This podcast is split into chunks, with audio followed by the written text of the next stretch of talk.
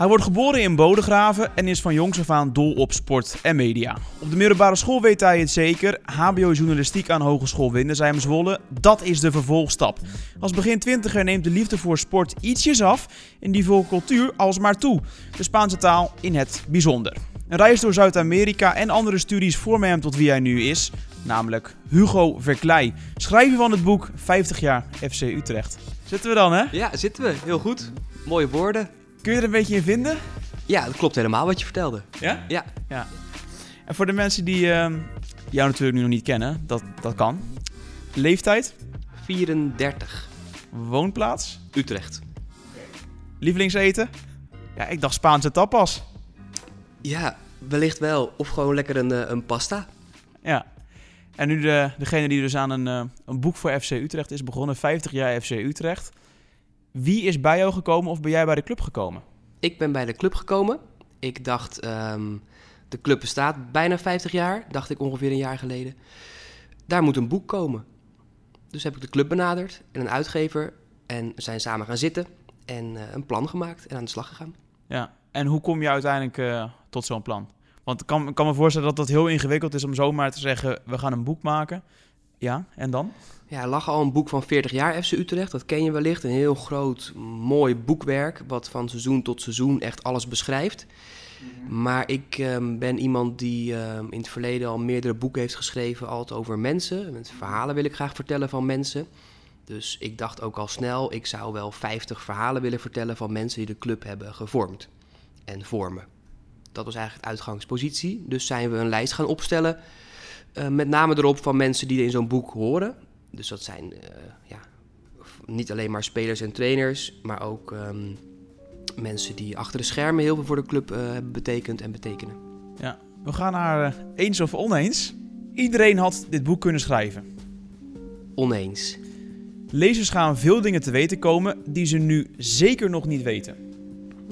Eens. Dit jubileumboek is makkelijker te schrijven dan een biografie over Royston Drenthe. Eens. Ook zonder alle foto's is dit boek zeker interessant. Eens. Ik kijk anders naar FC Utrecht door het schrijven van dit boek. Eens. Zo, dat is één oneens. En voor de rest allemaal eens. Ja, mooie stellingen. Laten we beginnen bij eh, de eerste. Iedereen had dit boek kunnen schrijven. Jij zegt nee hoor, oneens. Waarom? Ik had het zelf ook tien jaar geleden ook niet kunnen schrijven. Ik heb wel. eh, ik, heb nu al zeven boeken geschreven en eh, ik ben al 16 jaar journalist. En ehm, ik merk dat ik elk jaar nog beter word. Dus ik denk niet dat iedereen dat had kunnen schrijven. En, ehm, ja, en je moet je wel op een bepaalde manier kunnen verplaatsen in de mensen die je spreekt. En ik denk dat ik dat inmiddels door mijn ervaring wel, wel kan. Wanneer ben je er rijp of oud genoeg voor, denk jij? Ja, je moet heel veel vlieguren maken en, en levenservaring opdoen. En nu ik eh, de 30 ben gepasseerd en wat boeken heb geschreven, heb ik dat inmiddels wel, denk ik. En ehm, ehm, het- volgend jaar zal ik het, dit boek nog beter schrijven dan nu. Maar ehm, inmiddels kan ik wel zeggen dat ik dat wel kan. Ja, en lezers die gaan dingen te weten komen die ze nu nog niet weten. Ho- Hoeveel? Hoeveel is bijvoorbeeld eh, herhaling als je de procentueel zou aanduiden? En hoeveel gaat echt mm, ja, iets nieuws opleveren? Ja. Ik denk dat er best verhalen in staan die al wel bekend zijn.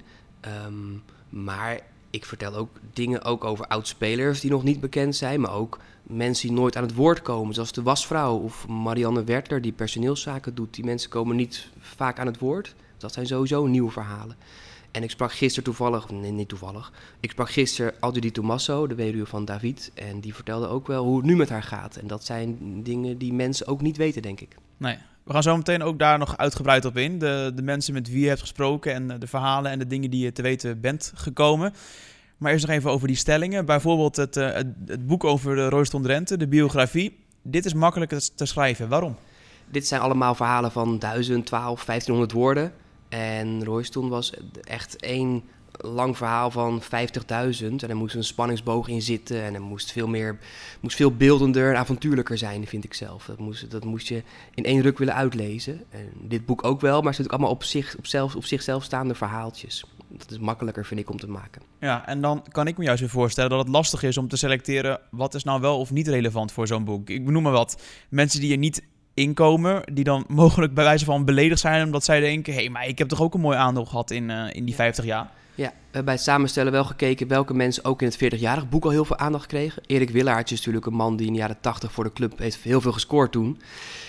Die zou je met zijn verhaal eh, zeker nog in dit boek kunnen, ver- kunnen vermelden.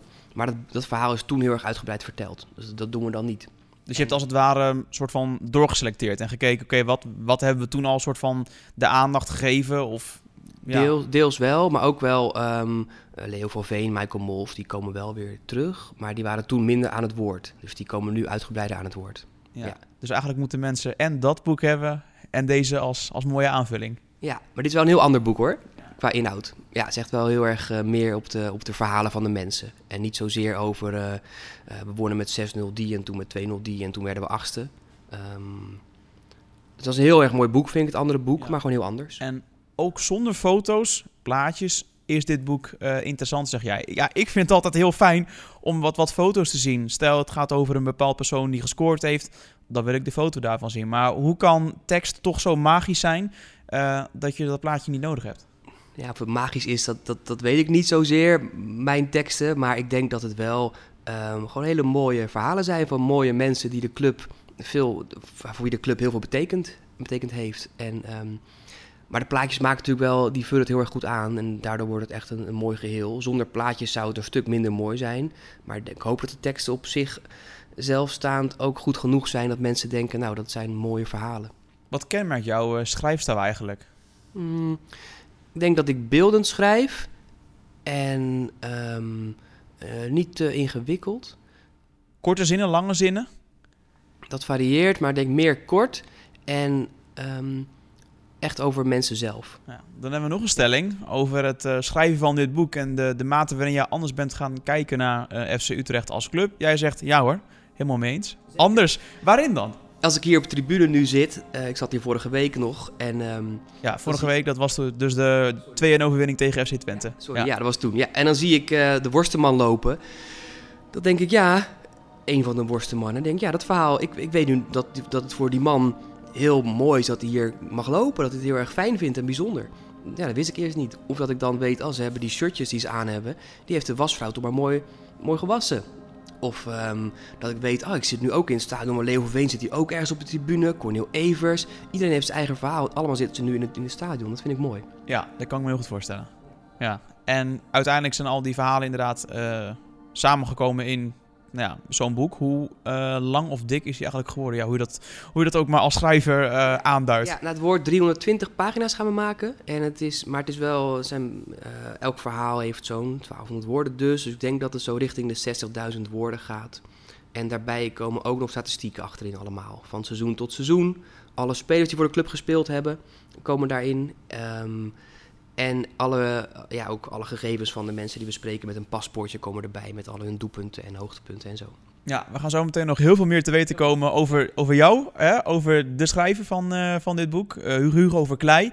Maar ook zeker eh, in op de inhoud van het boek zelf. En daarvan heb jij al één verhaal meegenomen. Dus ik zou zeggen, neem ons maar mee. Ja, over uh, Nesu, wel uh, bekend denk ik bij de meeste uh, supporters. Mihai Nesu, ja.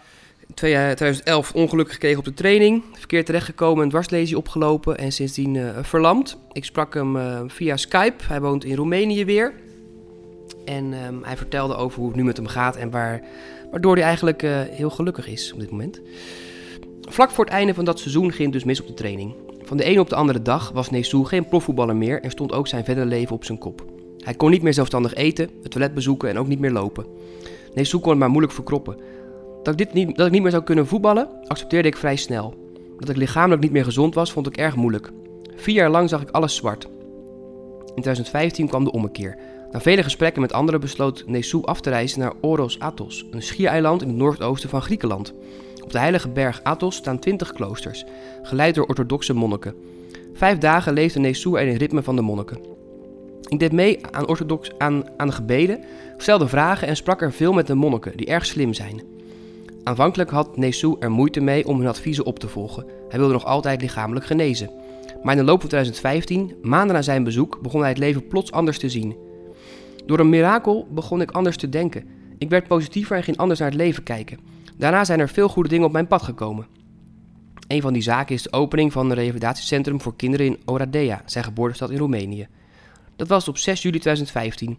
Tijdens mijn eigen revalidatieproces zag ik in het revalidatiecentrum in Utrecht dat er ook veel kinderen kwamen. In Roemenië waren die faciliteiten er veel minder. Ook bezocht ik in die periode een orthodoxe priester in Oekraïne, die in drie kloosters zorgt voor 400 weeskinderen. Ik dacht dat ik er dan ook wel voor zeker 20 zou moeten kunnen zorgen. En verderop vertelt hij nog. Um, dit wat ik nu doe geeft mij veel meer voldoening dan het winnen van een voetbalwedstrijd of het maken van een doelpunt. Als voetballer zit je in een achtbaan en beleef je korte momenten van geluk. Nu ervaar ik iedere dag een geluksgevoel en zie ik alles helder. Het is geweldig om te zien als een kind vooruit gaat, al is het maar een klein beetje. Mijn ziel is gelukkiger geworden.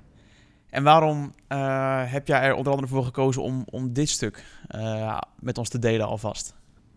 Omdat ik het. Um, ik ben altijd heel erg geïnteresseerd in, de, in, in het verhaal van de mensen zelf. En ik vind het heel erg inspirerend en knap van Michai dat hij, door wat hij heeft meegemaakt, het zo heeft kunnen omdraaien naar iets positiefs. En juist um, veel gelukkiger eerst dan, is dan toen hij voetballer was. En hoe waardevol is het dat je niet alleen het uh, uh, succes van de club en het mooie laat zien, maar ook de, de kwetsbaarheden of de, de ellende? Want dit kunnen we gewoon in de categorie ellende plaatsen natuurlijk, wat hem is overkomen. Ja, dat, dat vind ik heel, heel mooi. Dat maakt ook juist de club. Dat zorgt ook voor een band, denk ik. Fouke Boy sprak ik ook laatst, de, de succestrainer van begin deze eeuw.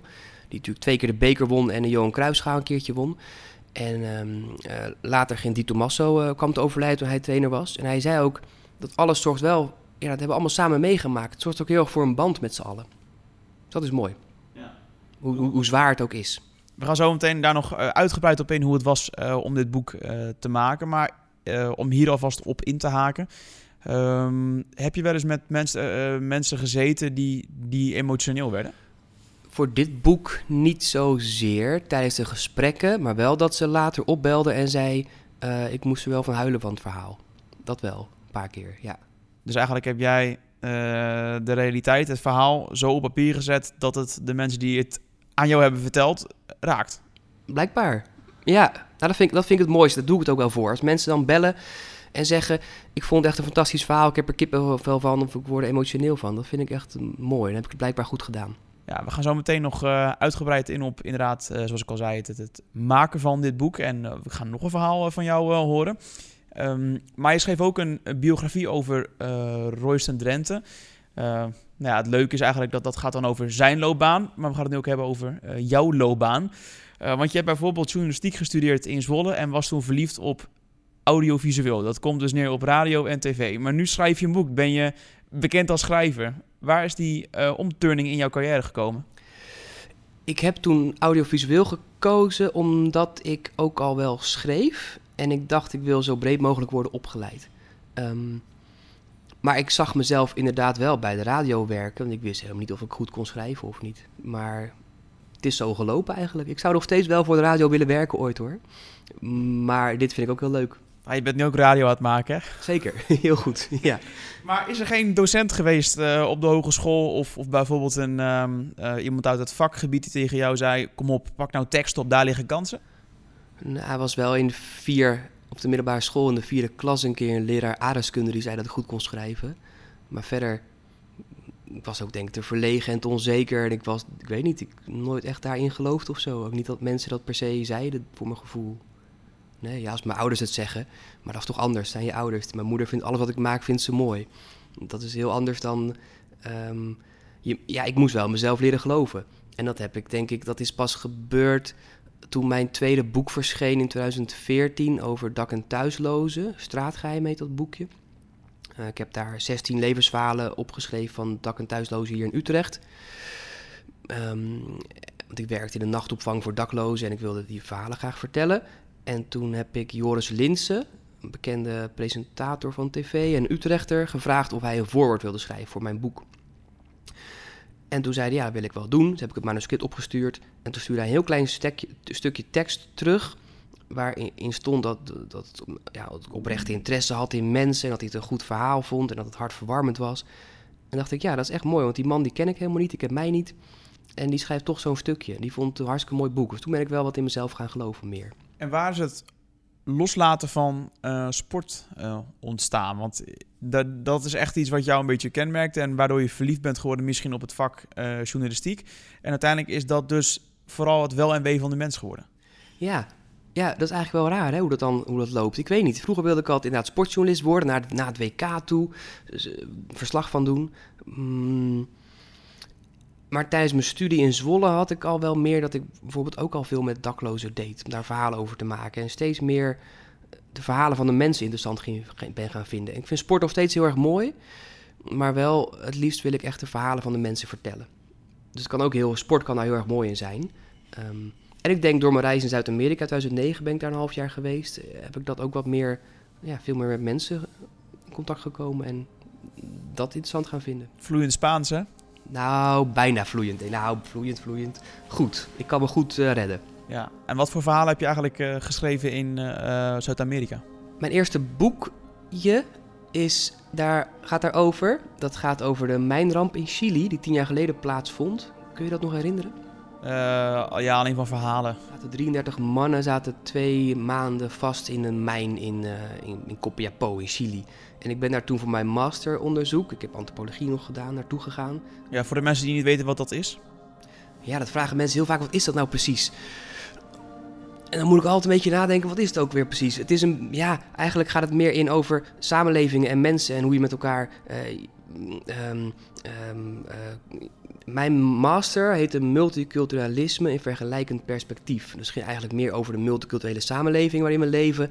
En um, waar het vandaan komt en hoe dat, wat het doet voor een land. En hadden we vakken als mondialisering of uh, terrorisme. Um, en ik deed veel met rampenantropologie. Dus dan ging ik kijken wat voor invloed een ramp had op, um, op mensen. Dus uh, het kan een aardbeving zijn een paar jaar later, of het kan een uh, orkaan zijn. Een paar jaar later kijken we hoe die mensen, met die mensen gaat. Maar ik wilde graag die mijnramp onderzoeken, hoe het twee jaar later na die ramp met die mannen ging. En dan vooral onderzoeken hoe hun plek in de verschillende gemeenschappen waar ze van deel uitmaakten, hoe die was veranderd. Dus die mannen onderling, uh, het dorp en het land, hoe ze naar elkaar keken. Heb ik die mannen opgespoord in Copiapó in Chili en um, um, daar mijn onderzoek over geschreven het was drie maanden ben ik daar geweest. En toen wilde een uitgever het graag uitgeven als, uh, als boekje. Toen dacht ik, nou, ik wil vaker boeken gaan schrijven. Ja, en dan vraag ik mij af, hè. Al die ervaringen en vooral dat, dat multiculturele aspect... of de studies die je zeg maar, daarin hebt gevolgd... en uh, brede blik op de samenleving, mm -hmm. wereldwijd nu zo'n beetje... als je inderdaad in Zuid-Amerika bent geweest en hier in Nederland uh, woont, leeft... In hoeverre dragen die nu bij aan de wijze waarop jij uh, kunt schrijven uh, over FC Utrecht en met al die personen? Dat ik wel breder kijk, denk ik, dan alleen maar het voetbal, maar echt wel op zoek ga naar de verhalen van de mensen. Dat, daar, dat, dat wil ik gewoon weten. Ik wil, ja, daar ben ik naar op zoek. En ik denk dat door al die ervaringen die ik heb opgedaan, dat ik ook vrij snel altijd met mensen de diepte in ga en daar goed over kan, uh, kan spreken met ze. Dat is een moeilijke vraag. ik doe ook maar wat, hè. Probeer, ik doe ook maar gewoon wat voor mijn gevoel. Intuïtie is het eigenlijk alleen. Ja, dan zegt mijn vriendin of zo, nee, dat doet helemaal niet meer wat. Want je, er zit echt wel een idee achter.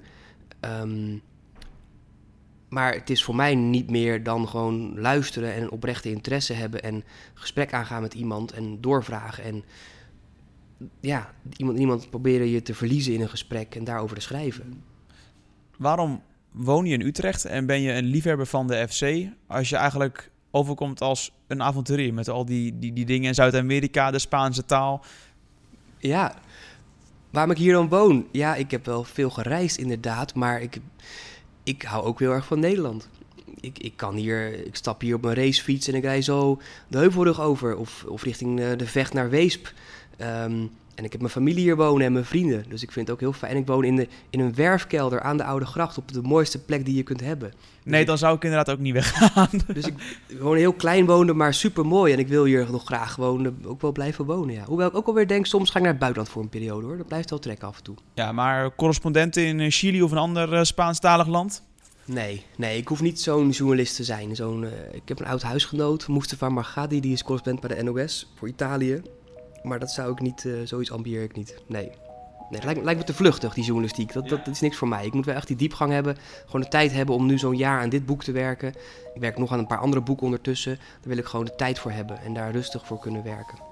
Ja, hoe is het eigenlijk om, om bijvoorbeeld uh, hem als correspondent nu daar te zien uh, en dan even terug in de tijd te gaan van, oh ja, toen woonden we daar samen en dat je nu ziet hoe iedereen de wijde wereld intrekt? Ja, dat vind ik wel leuk. Ik zat vroeger op het middelbare school bij Jan Versteeg, die nu tv-presentator is, dat mij in de klas. Ik liep stage en werkte ik wel samen die, met Dion de Staks, die ook stage liep toen. Ja, dat was bij NOS Bij dus. de NOS, waar ik, ja, heb ik stage gelopen ooit, um, bij 3FM en um, NOS Headlines. En ja, dat vind ik alleen maar grappig ik zou dan niet dat ook willen. Helemaal niet. Nee. Nou ja, iedereen heeft natuurlijk een eigen rol. Hè. De een wil voor de camera, de ander niet. Uh, de een wil audio, de ander wil tekst, zoals jij. Ja, laat mij maar een beetje op de achtergrond uh, mijn boeken schrijven en één op één met mensen praten. Ik hoef niet zo in de schijnwerpers. Hoe goed kun je worden als uh, schrijver? En daarmee bedoel ik, welk niveau kun je halen en bijvoorbeeld welke ambities heb jij op, op dit vlak?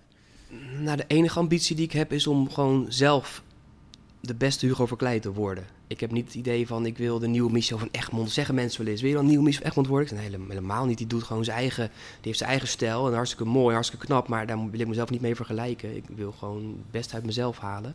En ik ben nu al veel beter dan, dan een paar jaar geleden. En ik hoop over een paar jaar weer beter te zijn. En hoe goed ik zou... Ik weet nog niet hoe goed ik ben. Ik heb wel, ben heel blij dat ik door met een paar boeken een prijs heb gewonnen. En erkenning heb gekregen. Um, maar verder laat, laat anderen maar vooral zeggen hoe goed ik ben of wat ik zou kunnen worden of zijn. Ja, ik, wat je nu zegt, uh, proberen het beste uit jezelf te halen.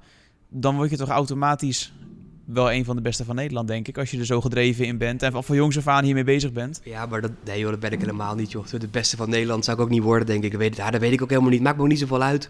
Ik, ik, ja, je bent nu nog zo jong, hè? Je bent, je bent een, een, een begin dertiger. En ik, op mij, uh, ik ben dan een uh, begin midden twintiger, hoe je het wil noemen... komt het best wel uh, indrukwekkend over als je een biografie over de Royston Drenthe bijvoorbeeld hebt geschreven. Dat is dan een van de boeken, moet ik eerlijk zijn, die mij het meeste aansprak. Ja, natuurlijk, kan ik me voorstellen ook, ja. Ja, dat was ook hartstikke bijzondere tijd met die met Royston. Dat was echt bijzonder. Um, maar ik, nee, ja, ach, ik, ik, probeer ook maar gewoon gelukkig te zijn en uh, te doen wat ik, ik, denk dat ik leuk vind en, en waar ik een bijdrage op die manier kan leveren aan. Maar waarom is het jou dan bijvoorbeeld toen gelukt om een biografie te schrijven over hem? Want dat is op, ook op een bepaalde manier tot stand gekomen, toch? Ja, ik was toen, uh, ik was heel lang sportjournalist voor het AD Groene Hart, waar ik dus vandaan kom, uit Bodegraven. Um, en bij Jodan Boys, een club in Gouda, speelde de neef van Royston. Sinds dat, sinds dat seizoen, 2016, 17 was dat. Levi Marengo. Ik zei tegen Levi, ik wil eigenlijk wel een keer met Royston contact opnemen. Want Royston die ging toen voetbal, stoppen met voetbal. Dus, nou, er moet een mooi verhaal in. Want die jongen was 29, stopte met voetbal. Wat is er met hem misgegaan waardoor hij nu klaar is met die wereld? Wat is er nou fout gegaan? Uiteindelijk kreeg ik via Levi zijn nummer heb ik Royston gebeld en mocht ik een afspraak met hem maken. En toen heb ik hem gezien een keer in een huis in Spijkenisse bij zijn oom. Samen met uh, vijf andere jongens die daar zaten. En ik had daar mijn verhaal gedaan. Ik had een flyer mee van een boek dat ik hiervoor geschreven had. Over, ook over daklozen. En vertel wat ik wilde. En ik ging weg. Ik dacht, ik zie die jongen nooit meer. Want hij had nog die week een afspraak met Michel van Egmond. En met nog een paar andere schrijvers en uitgevers. Dus er stond wel iets op de planning dat, dat er een boek zou komen. Als hij ook met die Michel van Egmond en anderen heeft gezeten. Ja, en toen belde, die, belde ze op. Hij had een manager, die belde toen op. Die zei, ja, we willen graag dat jij het gaat doen. Droos dan bij jou het beste gevoel? Ik weet niet. Terwijl ik maar gewoon... Uh, ja, ik, ja, ik weet niet wat het was. Ja, dat weet ik. Ja, geluk. Ik, ik ben gewoon mezelf. En dan, dan de ene keer uh, wordt dat... Uh, ja, ik denk wel dat ik... Nou, ik probeer gewoon bescheiden te zijn en interesse te hebben in zo'n jongen. En ik denk, denk, niet aan geld, ik denk gewoon aan een mooi verhaal. En dat kon hij misschien ook wel merken. Ja, en toen heb ik hem mogen volgen een half jaar en daar een boek over geschreven, ja. ja. Wat was het mooiste aan het schrijven van, uh, van dat boek, voor we weer verder gaan over het uh, 50-jarige jubileumboek van FC Utrecht? Mm, dat hij me zo toeliet in zijn leven. Ik mocht werkelijk overal bij zijn. Um, ja, ik zat gewoon met hem in de auto als hij een opnames ging voor een tv-programma. We zaten samen uh, te kijken in een uh, shisha lounge toen Feyenoord kampioen werd. We stonden samen op de Col Single. We gingen samen naar Fopper de Haan, een bootje varen, een middag. Um, ik ben in zijn huis geweest in Madrid, mocht ik daar ook een paar dagen slapen. Ik heb gewoon zijn hele leven mogen zien. Dat vond ik wel heel mooi. Hij liep me gewoon heel erg toe, hij vertrouwde me heel erg. Ja. We gaan ja. zo verder over de totstandkoming van het boek over FC Utrecht. Maar je hebt nog weer een tweede verhaal van ons meegenomen, dus uh, ik ga me laten verrassen, denk ik. Ik heb een verhaal meegenomen over Marcel Mul. Hij is teammanager van FC Utrecht van het eerste. Um, Dag in dag uit is Marcel Mul bezig met FC Utrecht. Als teammanager van het eerste elftal is hij de spin in het web die ervoor moet zorgen dat alles op rolletjes loopt. Zo zorgt hij ervoor dat de club een perfect tenniskamp kan beleggen, regelt hij wedstrijdkaarten voor de selectiespelers en zoekt oefentegenstanders. Ook is hij vertrouwenspersoon voor de spelers die hem op ieder moment van de dag kunnen bereiken als er iets is. In de functieomschrijving stond dat je 24 uur per dag, 7 dagen per week beschikbaar moet zijn. Dat is inderdaad ook echt nodig, vertelt Mul. Maar ik, maar ik haal er plezier uit en doe, doe wat ik leuk vind. Dat is heel belangrijk. Mul beleeft zijn rol als teammanager nu anders dan toen hij net begon. Soms heb ik moeite met spelers als ze niet in het echte leven staan. Dan komt er iemand binnen en zegt dat hij zo moe is. Ik vertel dan dat mijn oudste zoon stratenmaker is en de speler maar eens een week met hem moet meelopen. Dan weet je pas wat werken is. Dat is moe. In het begin durf ik dat niet zo te zeggen, maar nu wel. Ik vind het ook belangrijk om elkaar te zien. Het is heel mooi om iets voor een ander te betekenen. Zo geef ik de mensen die in de kantine werken vaak een compliment en geef na afloop van het seizoen iets aan de wasjuffrouw en andere mensen die een belangrijke rol spelen. Je doet het met z'n allen, of je nu speler bent of in de keuken werkt. Ik probeer die waardering te geven, de mensen te zien staan. Mul kan zich geen leven zonder FC Utrecht voorstellen. De club is een onderdeel van mijn leven geworden. Na mijn pensioen hoop ik als vrijwilliger te blijven werken. Ook hoop ik dat we ooit kampioen worden. Dat is mijn ultieme droom en ik geloof echt, echt in dat het mogelijk is. Ja, als Twente het kan, als AZ het kan, dan kan FC Utrecht het ook een keer, toch? Ja, Leicester City zeggen ook veel mensen dan. Als die het kunnen in Engeland, moeten wij het toch ook kunnen? Ja, de toekomst gaat het ongetwijfeld uh, leren natuurlijk. Maar even zonder gekkigheid, die, die Marcel Mul. Um, hoe lang heb je bijvoorbeeld met hem gezeten en hoe kom je uiteindelijk tot dit specifieke hoofdstuk in het boek? Nou, bij hem heb ik wel, um, ik denk wel bijna twee uur gezeten. Maar ook omdat hij tussendoor heel vaak werd afgeleid en werk moest doen. Er kwam John van der Brom binnen of uh, Emmanuel Son. En die moesten nog kaartjes hebben voor een wedstrijd. Dus hij moest gewoon heel veel dingen regelen ondertussen. Hele drukke man. Ik sprak hem op zijn kantoor in Zoudenbal. Heeft hij een kantoortje. En um, ja, hartstikke druk. Maar hij nam heel erg tijd voor me. En een hele aardige man. En dan heb ik dan, als ik dan thuis kom, werk alle, ik neem alles op, elk gesprek. Neem ik dat, schrijf ik dat rustig uit. En dan uh, meestal heb ik al in mijn, in, in, in mijn hoofd, als ik naar huis fiets, een idee van dit moet het verhaal worden ongeveer. En dan is het gewoon uitschrijven. Ja. Hoe moeilijk is het om je te schikken in de beschikbare tijd van een persoon? En de een waar je constant wordt gestoord, en de ander waar je praktisch drie uur lang elkaar recht in de ogen aankijkt. Ja, ik vind het ook wel weer mooi. Ik heb liever dat iemand veel te veel tijd neemt en denkt: ik ga er nu vier uur met je praten. Dat heb ik ook wel gehad. Voor een verhaal van 1200 woorden. Um, dan iemand die het snel afraffelt en geen zin heeft. Maar ben je snel klaar? Ja, maar dat vind ik niet. Ik vind het ook mooi dat mensen. Sommigen nemen foto's mee van vroeger. Of nemen gewoon heel erg de tijd voor je. Vind ik wel vind ik mooi. Ja, nou, dat komt ook weer van pas voordat wij het over hebt. Beelden schrijven van jou. Ja, zeker. Ik sprak. Uh, dat verhaal moet ik nog gaan schrijven. Um, ik sprak dus Audieter Masso van de week. En die um, begon ook dat ze elke keer als ze hier op het veld opkomt. met uh, de uitreiking van de trofee. aan het einde van het seizoen. echt kippenvel krijgt. en voelt dat David bij haar is op dat moment. En daar gaat het verhaal mee beginnen, weet ik al wel nu in ieder geval. Dat moet het begin worden. Wat is het gevaar bij het maken van zo'n jubileumboek? Dat de verhalen te veel hetzelfde worden misschien. Zeker 50 verhalen. Dat mensen te snel zeggen, ik hou van die club en ik vind het geweldig. Dus ik moet wel op zoek naar de unieke verhalen. Maar als ik John Verloen heb ik gesproken, die scoorde in 1985 het enige doelpunt in de bekerfinale, dan gaat het ook dan begint het in ieder geval daarmee. Dat je ook een soort tijdlijn krijgt van de geschiedenis van de club op die manier. Ja, en je zei net al, Audrey, uh, Di Tommaso, daar moet het mee beginnen. Wat was daar dan zo bijzonder aan? Ja, tuurlijk, ik weet ook heel wat verleden, uh, Di Tommaso. Maar waarom maakte dat verhaal het specifiek dat jij nu denkt, ja, daar gaat het mee beginnen? Dat beeld van het, van als het veld opkomt. Omdat dat is dan beeldend, dan zie je het voor je. En als lezer word je dan in het verhaal getrokken. Dus um, en ik denk dat veel mensen hier die op de tribune staan en um, haar het veld op zien komen, ook zich afvragen: wat gaat door die vrouw heen? Wat denkt ze nu? Hoe is het voor haar om hier te zijn elke keer weer? Is dat niet heel erg confronterend juist? Of hoe vindt ze dat? Dus dat wil ik dan eerst vertellen. En vanaf daaruit kan ik dan mooi het verhaal vertellen over hun leven hier in Utrecht voor zijn dood en hoe het dan nu met haar gaat. En wie gaat dit boek, denk jij, sowieso waarderen? Wat, wat, voor, wat voor type mensen? Dan heb ik het over leeftijd, dan heb ik het over ja, eh, breed kader, een soort van segment van de lezer. Ja, de, de echte diehard trouwe supporter die, um, ehm, wel ook benieuwd is naar hoe het met de helden van, van vroeger is. Maar ook een mooi beeld wil van de club door de jaren heen. Door uh, wie hebben de club nou gevormd. En ook, maar ook de mensen achter de schermen, hè, wie, wie, wie dat nou zijn. Dus ik denk dat het voor iedereen die iets met Utrecht heeft een, een mooi boek uh, kan zijn. Ja. ja, soep eet je met een lepel. Hè? Spaghetti, nou ja, alhoewel, dat, dat kan ook met een lepel, maar dat doe je vaak met mes en vork ook. Wat is het nou het ideale recept of de wijze om dit boek te lezen? Dan heb ik het over, wat is nou echt een geschikt moment? En hoe toegankelijk is het om, om bijvoorbeeld dit even een kwartiertje, half uurtje per dag te lezen? Of juist lange treinrit, twee uur? Nou ja, je, je kunt, het, het zijn allemaal hoofdstukjes die je vrij snel kunt lezen, denk ik. Een verhaal is, zal misschien tien minuutjes duren om te lezen. Dus je kunt ook best voor het slapen gaan een verhaal lezen. Of in de trein een keer vijf achter elkaar. Um, het is wel een handzaam boek. Het wordt geen hele grote pil. Het wordt meer A4-formaat, denk ik ongeveer.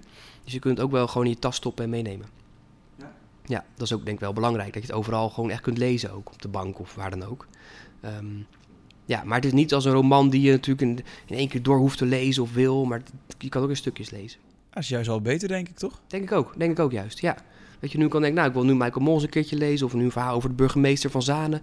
of over de Worstenman of René van den Berg van RTV Utrecht... dan kun je gewoon zo'n verhaal erbij pakken. Ja, je doet nu inderdaad alweer een paar casussen. Uh, je hebt al, al aangegeven dat die van uh, Audrey Di Tommaso uh, je behoorlijk heeft geraakt. De personen die je nu net bij mee eindigt, bijvoorbeeld Van den Berg of de andere... Zit daar nog iets, iets unieks of iets moois in? Of heeft echt ieder verhaal iets unieks? Of hoe zie jij dat? Zij, moeten toch ook verhalen tussen zitten die die wat minder zijn. Ze kunnen niet, alle, ze kunnen niet allemaal helemaal top zijn. Nee, zitten wel natuurlijk altijd wel verhalen in die wat minder uh, bijzonder zijn, natuurlijk. Maar ik denk dat ze allemaal iets hebben. Ieder, mens heeft wel iets te vertellen wat de moeite waard is. Ja, ja. En ik vind, ja, dat hoeft niet iets groots te zijn. En ook iets heel mooi kleins zijn. Een wasvrouw die elke dag om kwart over zes op de scooter stapt vanuit Sterrenwijk... Uh, om, om s ochtends om half zeven al alle kleding te wassen van de club al jarenlang. Dat vind ik ook heel mooi. Waarom gaan die 2020 stuks, uh, begreep ik, allemaal verkocht worden, denk jij? Omdat het een hartstikke mooi boek wordt. En omdat de club, ja, 50 jaar is niet niks. En um, er komt veel aandacht voor en de club heeft veel supporters. En, en het is wel, het boek kost wel 50 euro, maar dan krijg je ook denk ik een heel mooi, luxe, met liefde gemaakt boek voor terug. Heb je nog een laatste boodschap voor de, eh, de luisteraar? Ja, ik hoop dat, dat, dat de mensen in het, in het, in het boek, uh, mensen die het boek lezen, dat ze wel zich kunnen vinden en denken, ja, de club, dit is hoe de club is. Een club die bij mensen in het hart zit en uh, um, ja, dat, dat zich kunnen herkennen in de verhalen. Nou, bedankt voor jouw komst naar uh, Stadion Galgenwaard. Graag gedaan. Ja, voor de luisteraar ook. Mooi dat jij luisterde naar deze extra episode van de FC Utrecht podcast. Het boek 50 jaar FC Utrecht kun je bestellen via www.edicola.nl slash FC Utrecht. Dat is dus E-D-I-C-O-L-A. Uh, en op 1 juli 2020 dan komt hij uit als onderdeel van uh, de jubileumfestiviteiten.